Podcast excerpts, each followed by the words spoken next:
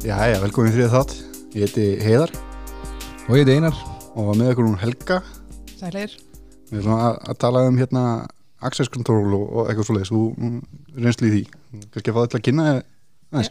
Ég heiti Helga og ég er sérst hópstjóri í kerfistjónustu rekstraglausna hjá Advanja. Uh, ég er búin að vera að vinna sem hópstjóri hjá Advanja í rúmlega tvö ár núna og var þar, þar áður að vinna sem kerfistjóri hjá Sensa og Símanum. Um, ég hef mikla reynslu af alls konar aðgangsstýringum, bæði í Active Directory og öðrum kerfum á samt því að vera með reynslu af aðgangsstýringum í Office 365 líka. Og þetta er svona málefni sem að hefur skipt mér miklu máli, ég hef verið að tala um mjög aktivlí við aðra starfsmenn og bara viðskiptavinnuna okkar líka. Og hefur svona verið að reyna að vera með dálta vakningu að því hvernig fólk kemur fram við aðgangsstýringar og aðgangsmál. Já, Já, nokkulega. Það er svona verið svolítið fast í fólki hérna gamli mótin að bara vera annarkvæmt með öll réttindinu eða engin. Já, nákvæmlega og þetta er líka fólk að þetta aldrei til sko að finnast það í svona, að aldrei svona móðgast ef að það færi ekki að vera með allir réttindin Já. sem að, þú veist, þetta er svona tilfinning hjá fólki að, þú veist, það er ekki skilið ef að við erum að reyna að takmarka hvað þú getur gert, sko. Mhm. Já, nokkulega. Það, þú veist, það er hérna, ég mitt talað um hérna least privilege sem að bara þarf til að Já. geta inn í vinnuna. Þetta er sem sagt daldi gamalt konsept sem að ég lærði upprunnulega þegar ég var sagt í próment að læra kerfistjórnun að þetta heitir sagt Principle of Least Privilege sem er svona direktiv sem að Microsoft gaf út fyrir alveg mörgum mörgum árum síðan. Uh, direktivið segir basically til um það að þú ættir í raun að vera alltaf að vera með þau minnstu réttindi sem þú mögulega getur til þess að vinna vinnuna þína. Ef þú þart meiri réttindi þá þartu að sem sagt, eskalata réttindunum og þú ættir í raun að vera alltaf að losa þau aftur við þau ef þú þart ekki að þeim að halda svona day to day. já svona eins og Azure Privilege Identity Management Já, sem að er því miður ekki nógu margir með en rosalega flott laust þar sem þú getur akkurat óskað eftir tímabundum aðgangi til þess að vera sem sagt geta framkvæmdar aðgerð sem þú veist að leitast eftir að framkvæma og síðan bara dettur aðgangurinn Já. sjálfkrafa aftur út Já, nákvæmlega, í stað- í staðið svo sért bara alltaf global admin eða, eða, eða hvað sko. Nákvæmlega. En hérna, af hverju ætti ég ekki að vera bara alltaf með dominant með global, hvað, hérna, Ef við byrjum bara á byrjunina þá náttúrulega uh, sem, sagt, sem venjulegu notandi aldrei að vera með meiri réttindi heldur en bara í mestalagi á þína eigin útstöðu og þá helst eiginlega ekki einu sinni það. Málið er það að ef að venjulegur notandi er með mestu réttindin sem þú getur haft í umhverfinu sem dæmi annarkvort dominantminn eða globaladminn eða jafnvel bæði að fyrir serverumhverfið að þegar þú ert skráður inn á þinn eigin notanda að þá sem sagt út af hægðunni í tölvunni hjá þér by default að þá kassar hún í raun og veru líkilorði hjá þér í tölvunni sem gerir það að verkum að ef að það er sem brotist inn á tölvunni hjá þér þá er hægt að nálgast líkilorðið þitt úr kassinu. Um, þetta gerir síðan áframhaldandi að verkum að ef að þú væri loggaðir inn á tölvuna hérna með dominant minn aðgangin einum að þess, þá er hægt að taka aðgangin þinn og eskalera sjálfan sig upp í það að vera dominant minn á 0-1 og þá ertu búin að kompromæsa allir dóminu Já, það segir sér aldrei sjálft að útstöður notenda eru veikasti klekkurinn í allri þessari keðju og bara notendur sjálfur þar sem að mannleg mistök geta alltaf orðið og það bara býður upp á rosalega mikið af slísum meira í því að taka fartöluna með þér heimheldur en serverinn kannski. Þannig að ef þú ert með dominant minn á, á fartölunni þá hérna kannski, einmitt, að koma staðan inn á serverinn frekar. Já, sem fyrir utan það náttúrulega, þetta er kannski ekki endur alltaf þú, heldur veit ég alveg til þess að fólk, þú veist, er með fartölu frá vinnunni og er kannski að leifa börnunum sínum að vera í tölvunni, þau klikka á einhverja linka sem að þau veit ekki betur heldur en að sé treystandi og það getur valdið alls konar vandamálum útfröst því, sko. Þetta er rosalega auðveldlega til þess að brjótast inn í fólki og bara password spraying á hérna, aðgöngum til dæmis í gegnum Office 365 getur til dæmis valið, valdið svona vandamálum líka. Að það sem sagt, venjulegir notenda aðgangar er alltaf auðveldastir til þess að komast inn á sem er ástæðan fyrir að ættir aldrei að vera að blanda en við elevated admin aðganga inn í umhverfi. Einmitt, einmitt. Þannig að þú ert með kannski nokkra aðskilda aðgangu frekar. Það er hérna, eins og mótilið sem við höfum verið að vinna með er að þá erum við í grófustu tilfellunum eða örugustu tilfellunum ef við höfum frekar að orða það þannig að þá erum við að skipta aðgangsmálunum upp í fjóra þætti í raun og veru. Uh, fyrir það sem er með mestan aðgang að þá ertu með bara venjulega notenda sem þú notar inn á fartöluninni ert með kannski annan notenda sem er með lokalatmin á aðrar útstöðar heldur en þína eigin uh, þriði aðgangurinn er síðan með uh, lokaladmin eða eitthvað þýðilegt inn á servera sem er í umhverfunu aðra netjóna heldur um domain kontrollerana og síðan er fjóruð aðgangurinn það sem er með domain admin réttindi og er takmarkaður við það að mega yngungu lokka inn á domain kontrollerin og ekkert annað. Já. Þetta gerir það verkum að ef einhver kemst að venjulega notendarinum að þá kemst hann ekkert lengra heldur en það. Ef einhver kemst að útstöðanotendarin mínum þá kemst hann ekkert lengra heldur en bara inn á útstöðanar ef einhver kemst á server aðgangin að þá er hann bara fastur þar? Og ef þú kemst á dominant með aðganginum að þá ert hvort þið er skrút Já, einmitt. Þannig að, að þótt að einhver einmitt, komast yfir server admin hérna eða semst workstation admin notana að þá kemst það ekki sjálfgræðin á, á serverana. Ekki ef öll réttindin eru uppsett akkurat. Já. En ef að dóminatmi væri inn á þessari útstöð? Það er nefnilega málið, það er svona þarftu að passa að allir falli undir þessar reglur. Mhm. og þú getur ekki verið akkurat með veist, Jón hérna sem er að vinna hjá fyrirtækinu og svona út af því að hann er Jón og þá ætlar hann að vera með hérna dómina minn á sínum venjulega notanda. Veist, það gengur ekki upp, þú þarft til þess að geta tryggt öryggið þá þarftu að tryggja öryggi allra notendana ekki bara þeirra sem er á þjónustöfumkörfiði eins og það vanja heldur líka starfsmannuna sem er að vinna í því. Hvernig hérna virkar það? Að það varst ekki með dóminadmi er ekki, það er einhverja innbúða grúpur í AD eða ekki sem það er hægt að nota Við erum að byrja að nota rosalega mikið núna innbyggða grúpu í AD sem heitir Protected Users. Og Protected Users er með alls konar innbyggðar varnir í sér meðal annars það að líkilorðin eða passvortassin kassast ekkert á þjónunum sem að er verið að skrá sig inn á. Þetta myndi gera það að verkum að sagt, ef þú myndir vera með dóminant minn aðgang sem að þú myndir nota til þess að lokka þinn á þjón sem er ekki dóminkontroller að þá myndi samt líkilorðið þetta ekki vera grípanlegt af þeim þjóni. Já, en það, veist, það þarf að passa rosalega vel upp á þetta eins og með uh, þjónustu aðganga sem eru með dominantminn réttindi eins og fyrir afrutunatöku og slíkt. Að þú getur sagt, um leið og setja þjónustu aðgang inn í Protected Users grúpuna þá getur ekki nota hennan aðgang lengur til þess að keira upp þjónustur.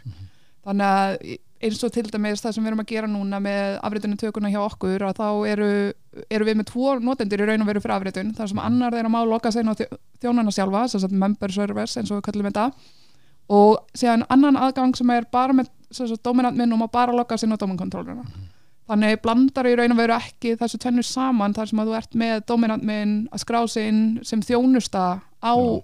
member servera sem að er talsveit auðveldar að komast inn á heldur en dominkontrolluna svona almennt. Einmitt, já, það er svona serviceakantar einmitt geta verið svona tilvandra það er, já, það er mjög algengt að hérna, alltaf þegar hann alltaf setur upp dóminn bara uh, frá from scratch að þá ert alltaf með þennan local admin aðgang sem að konvertast yfir í þennan built-in dóminn admin aðgang bara þennan default sko. Og það var rosalega mikið í tísku hérna á árum áður að til þess að sagt, venda aðgangin innan gæsalappa að þá sagt, voru aðgangarnir endurskýrðir í eitthvað annað. Og Já. hérna ég sé alls konar nöfn á þessu. Jónsi, þú veist dominant minn aðgangurinn hétt Jónsi að sagt, þetta var svona þetta var aldrei tísku fyrir svona 10-15 árum að hérna svo kallað security through obscurity. Mm. að ef þú getur ekki fundið þetta, þá Já. getur ekki misnotað Já, þetta það er ekki útlendingur að leita Jónas í þannig Já, nákvæmlega. Þannig að en það er líka mjög algengt og við sjáum þetta mjög mikið í umhverfin sem við komum að að hérna admin aðgangurinn er keirandi þjónustur út um allt. Það, þú veist, það skiptir einhver máli jável er fólk ekki einu sinni búið að vera þú veist, á þeim stað að það er að gefa sjálfum sér dóminatminn réttindi heldur er það bara nota built-in userinn. Já. notar hann til þess að þú veist, installa þjónustum eða þú veist, forritum hinga og þangað og þetta sem keirir bara þú veist, að eilifu sem þessi notandi. Og þannig að gera það verkum um leið og ætlar að fara að reyna að verja umhverju eitthvað betur og skiptum leikilára þessum notanda þá endur á því að brjóta alveg fullt af hlutum. Já, þannig að, að bara einn user notaði fyrir allt saman Já, nákvæmlega. Eh, þú veist, við höfum verið að segja þetta í mörg ári náttúrulega að hérna, það skiptir einhver máli hversu marga notendur þú ert með í raun og veru, þú veist, ef þú ert ekki með ef þeir eru ekki leifiskildir að þá skiptir það einhver máli þú sért búin að stopna tíðus notendur þannig séð, sko. Uh, aðalpointið er það, þú ættir að vita það sko fyrir hvaða þjónustu hvaða notandi er notaður og á hvaða serveran er keinandi þannig að um leiðu að kemur eitthvað upp á þú veist, einhver þjónustu stoppar eða þú veist að bílar eitthvað eða kemur eitthvað upp örgisatvik skilur að þá getur við skiptum líkilarða á þessum einanotanda og þá í versta falli tekur við niður eina þjónustu. Já. en þú Já. hefur þá ekki cascading áhrif út í allt umhverfið þar sem þú ert bara að slökka á bara helmingnum á þjónustun sem þú er kerandi Já, ekki, ekki bara sittur eftir lamaður hérna alveg. nákvæmlega, það er ég hef alveg, þú veist, maður hefur séð þetta og hérna, það eru svona stór stór kerfi sem eru öll keirandi á sama notandanum og síðan bílar einhver eitt hlutur og einhver starfsmaður út í hotni er bara eitthvað hei, ég er keirandi þetta þessu notanda, getur þú rísita líkilórið fyrir mig? Og maður er bara eitthvað, ok, rísita líkilórið og það fyrir allt á liðina sko. En í 365 og, og, og svona, það eru hérna einhverju einbæðu grúpur þar er ekki líka sem þetta nýtir sér Uh, Microsoft eru búin að vera mjög duglegir með að búa til svona granulated administrator roles í Office 365 það voru upprunalega bara sömu ról og voru alltaf í Active Directory en náttúrulega út af fjölda á þjónusta sem er í bóði svona by default í Office 365 að þá eru búin að vera mjög duglegir að bæta við þetta og hérna ég held að það séu örgulega hátt í 50 admin ról eða einhvers konar uh, escalated privileges ról í gangi inn í Office 365 bara by default. Já, það er svolítið mörg. Það eru mjög mörg sko. En vandamáli er náttúrulega það að fólk er ekki nógu duglegt að nýta sér þetta. Einmitt. Það Já. er bara global admin eða ekkert. Nákvæmlega. Já, á meðan að við til dæmis erum ekki ég held að við séum með einhverja fjóra global admin notendur fyrir allt umhverfi og þið sjáu að við erum samt með teimi upp á 50 mann sem er á þjónustæðan Já, algjörlega Það er náttúrulega user management og það er Intune administrator, það er bara alls konar bara allt sem þetta eftir í hug og Já. síðan ofan á það þá getur þú búið til þinn eigin adminról og Mhm. gefið réttind inn á bara hvað sem að þér sýnist í raun að veru Já, í gegnum þá Azure eða ekki Jú, í gegnum Azure Já, Þú þarf náttúrulega að vera með minnst Azure AD Premium 1 einn, eða eitthvað en hérna, það eru basically allir með það þannig að Mhm. Algjörlega þess virði, það er kosti hvað, 100 kallar í, í viðbót sem að 7 dólar eða eitthvað þetta er ekki einu sinni þetta eru Já. 5 dólarar held ég eitthvað þannig. Eitthvað það En hvað- þjónustu svona innan Azure sem myndið þú mæla með svona sem hún getur nýttir í, þú veist, serverum hverju líka?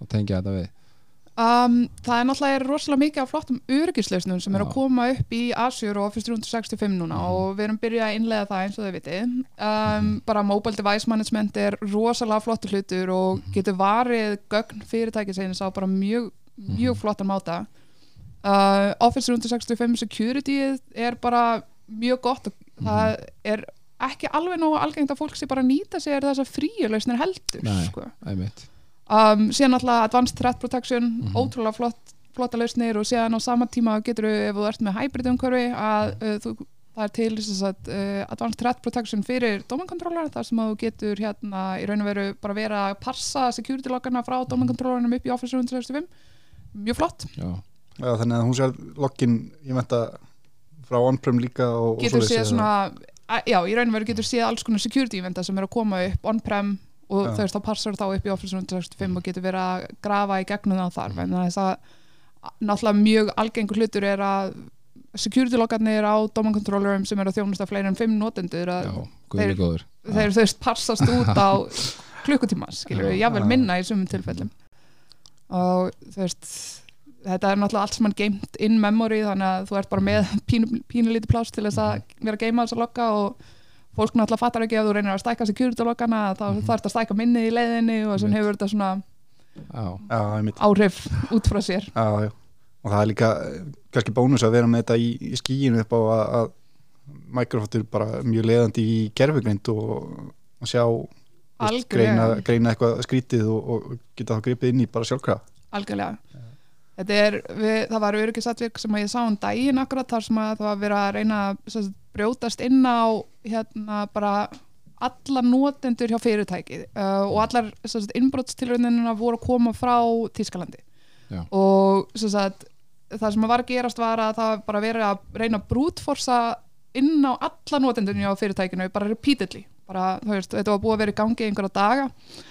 Og en fyrir, þú veist, notendunni á fyrirtækinu undir venjulegum kringustöðan alltaf hefði þeir læst úti en mm Mhm. örgisleisnir í Office 365 eru með svona smart lockout Mhm. fítus þar sem að þessi eini aðili var að læsa sjálfan sig úti frá frekari tilraunum að meðan á notendunir á Íslandi fundi ekki fyrir neinn já, Já, já, þannig að í staðan fyrir einmitt allir bara hætti að geta unnið í, í hálftíma eða eitthvað þá Já. að bara þessi IP-tala eða þetta svæði í Þýskalandi sem að blokka Já, veist, Þetta er til dæmis eftir því sem ég best manna þá er þetta bara frí löst sem að þú, veist, þú þarft í raun og veru bara að virkja til Já. þess að geta nýtt þér Já, en, þetta er alveg snild Já, uh, kannski tölum við aðeins um hérna role-based access control. Það er hérna hvað það er, við erum að tala um hérna að þessi til alls konar roles og, og svona í því fimm og svona. Hvernig virka þetta, ertu þá skilgrina semst, hvað, hvað gerir við þessi ról eða hvað, það er náttúrulega sko role-based access control byggist á því að þú sért með réttindinu sem að tilheyra rólinu sem að þú tilheyrir. Þannig að innbyggðu rólin er til dæmis eins og helpdesk technician veist, að þá ertu bara á helpdeskinu og þetta róli með skilgreind. Þessi réttindi sem er talið að sé svona algengast að, að notandi á þessu leveli myndi þurfa að vera með.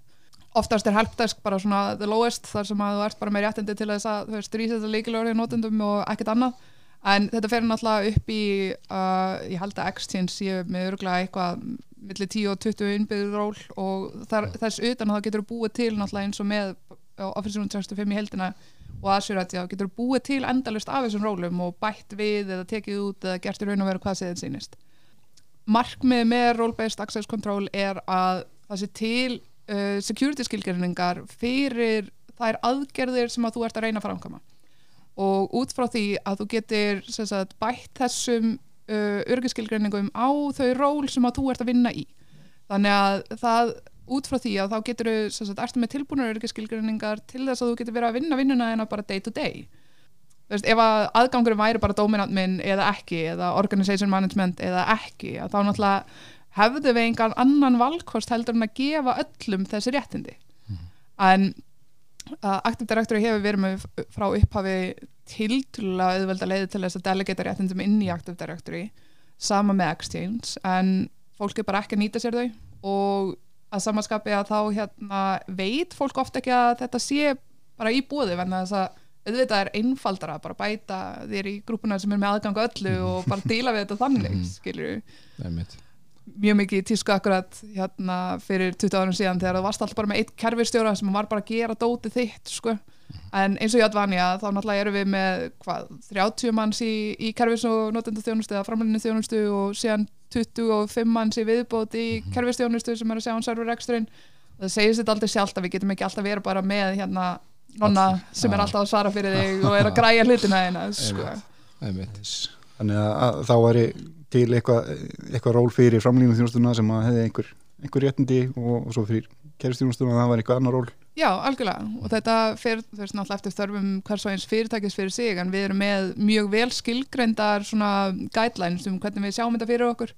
Þar sem að akkurat eins og ég myndist þann réttindunum er skipt upp í nokkuð mismunandi level og sen er hægt að gefa réttindi bara ofan á það fyrir þú veist þá hópa af starfsmunum sem er að sinna þessu ákveðna róli. Eins og í Advanja þá ertu með teimi sem er að sinna aðgangsmálum fyrir Advanja fjóru starfsmenn, þannig að þú veist, ég þarf ekki að vera með einhverja nafngreinda starfsmenn en þeir tilheyra því róli sem að er aðgangsstýringa mál.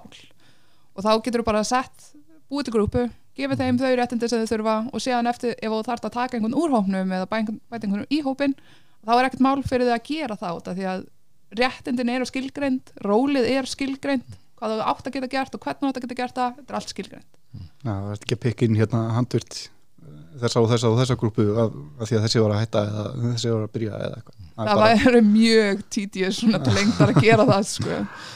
en þetta líka veist, þetta þarf líka hérna, að hafa í huga bara ekki bara með veist, elevated privileges eða admin réttindi fyrir notendur heldur bara almennt séð fyrir notendur að það er mikið betra fyrir þig að eins og ef þú ert með fyrirtæki sem er með deildum, þú veist bara ert komin á það stærðagráð að þú ert með bókaldsdeild og ert með söludeild, skilur við að þú getur verið bara með hóp sem að er rólgrúpa fyrir söludeildina. Og sölu, sem sagt, söludeildar hópurinn hann fær þá bara aðgengi í þetta skráarsvæði fær aðgengi í þetta posthole fær aðgengi í þetta kerfi og þetta kerfi.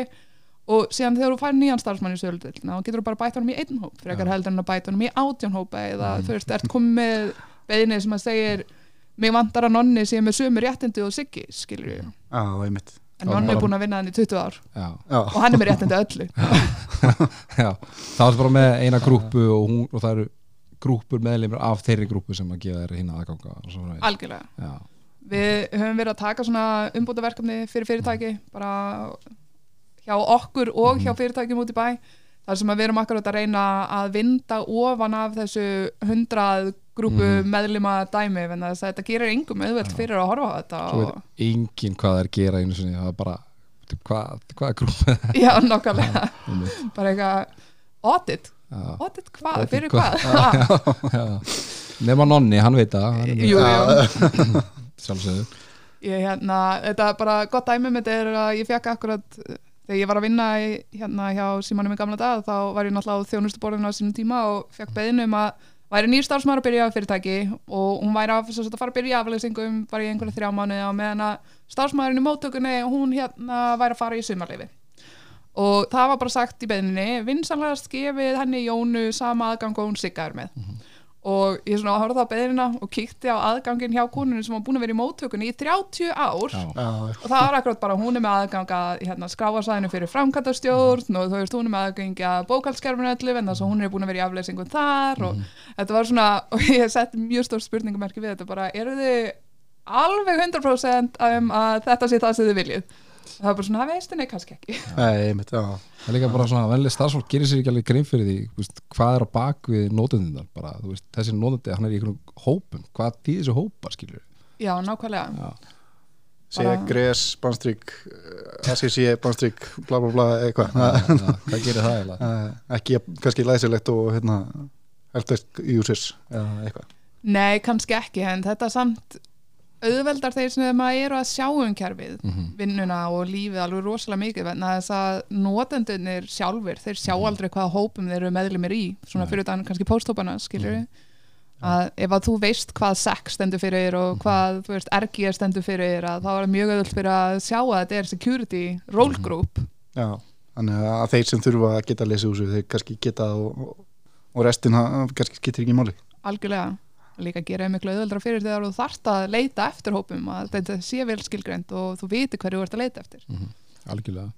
Já, eh, einhverja svona einhver önnur algeng mistök sem að mannst eftir svona hmm, Algeng mistök? Að svona fyrir utan það sem ég er búin að vera að fara yfir. Eitthvað svona sem að mannst eftir við taka við nýju umhverfi og, og hérna Eh, bara svona mjög mikið það sem ég er búin að vera að tala um að veist, það er algengt að fólk sé með allt og mikil réttindi, fólk er ekki tilbúið til þess að sleppa þeim réttindum sem að það eru með.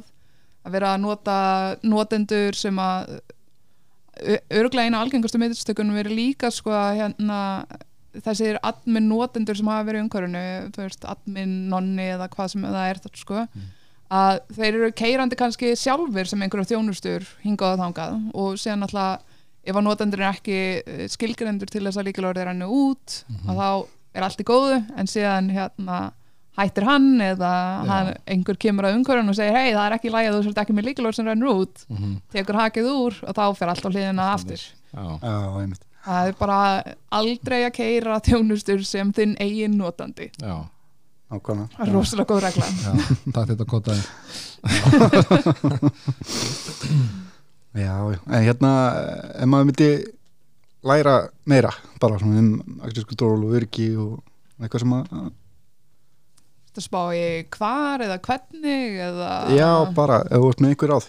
Sko, ég myndi bara ráðleika það að frekar að prófa sig áfram með réttindin sem þú getur gefið sjálfur og bara reyna að takmarka sín eigin réttindi frekar heldur en að byrja á staðinum þar sem þú ert að gefa þér mestur réttindin mm -hmm. að þess að um leiður ert komin með mestur réttindin að þá er rosalega erfitt fyrir því að reyna síðan að vinda ofan af því mm -hmm. um, eins og þið vitið og hafi fengið að finna fyrir að þá hefur verið náttúrulega ákveðinu svona tilrunastarfsemi með ákveðinu umhverfi þar sem að akkurat það kemur alveg fyrir að þú sért stopp og þú, veist, þú þart meiri réttindi sem að er alltaf góðu.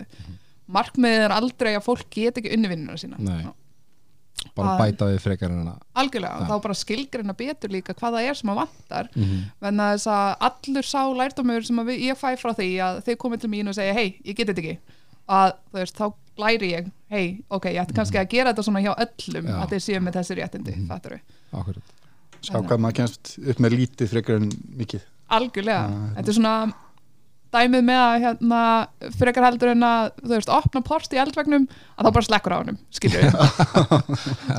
Maður hefur kannski séð það eitthvað tíma hvernig ætlar að reyna að vinda ofan af því, skilur já, við? já, fatta eftir á, já, herði, það er 27 port sem það er að opna. Að hérna, Já, hvaða port eru það? Meina, ef, að, þú veist, ef við tökum þetta á svona dæmisögu á einhverju máli sem að fólk skilur að, veist, þetta er eins og ef þú ímyndaðir livjafyrirtæki þar sem að þú ert með fólk sem er að þróa lif og allt í góðum og allir svona almennu starfsmenn eru með aðgengið að allir þessum almennu svæðum og það er ekkert vandamál þar, skilur við síðan ertu með, veist, eitthvað fólk sem að veist, þarf að vera með sérstakt aðgangskort til þess að komast inn í sérstak herbergi, allt í góðum með það veist, það er vel skilgreint hverju er með aðgang og það fylgst með því hvað þau gera við hennan aðgang. Og síðan ertu kannski með, þriðja herbergi eða þriðja level access þar sem þú ert með, skilur svarta döða og þú veist, jáfnveg þó þú sért starfsmæður sem er skilgreindur og meir fara inn á þetta svæði að þá samt gerur ákveðin svona precautions, ég meina, þú ferði suit og þú veist, þú teipar fyrir öll götin á sútinu einu og þú veist, þú passaði rosalega vel. Og síðan þegar þú ert að fara út aftur að þú veist, þá baðar það þig í sótrænlandi og áður um fara heim til þín, við veist, þetta er bara að þú ert að sísla með hluti sem að þú veist, geta valdið rosalega um vandamálin. Ef þú veist hvað þú ert að gera, þá gera þér það ekki en þess vegna verður líka að passa þig. Mm, algjörlega. Yes, ekki sjálfgefið. Að góð, góð líking að hérna takk ekki með sér hérna admirréttindin heim. Nákvæmlega, bara lefðu þeim bara að vera á skrifstofunni þar sem þau eiga heima í þessu lokaða læsta herbyrgi þar sem að þú ert bara í þínu hasmatsút að passa upp á sjálfa þau, skilju við dregur bara fram í ákveðnum tilökum nákvæmlega. Já, heyrðu, þá held ég að við segjum þetta bara gott í bíli þetta var þrið þáttur, við þakkum Helgu gælaði fyrir komuna. Takk fyrir komuna. Já, bara takk fyrir að vera með. Takk. Takk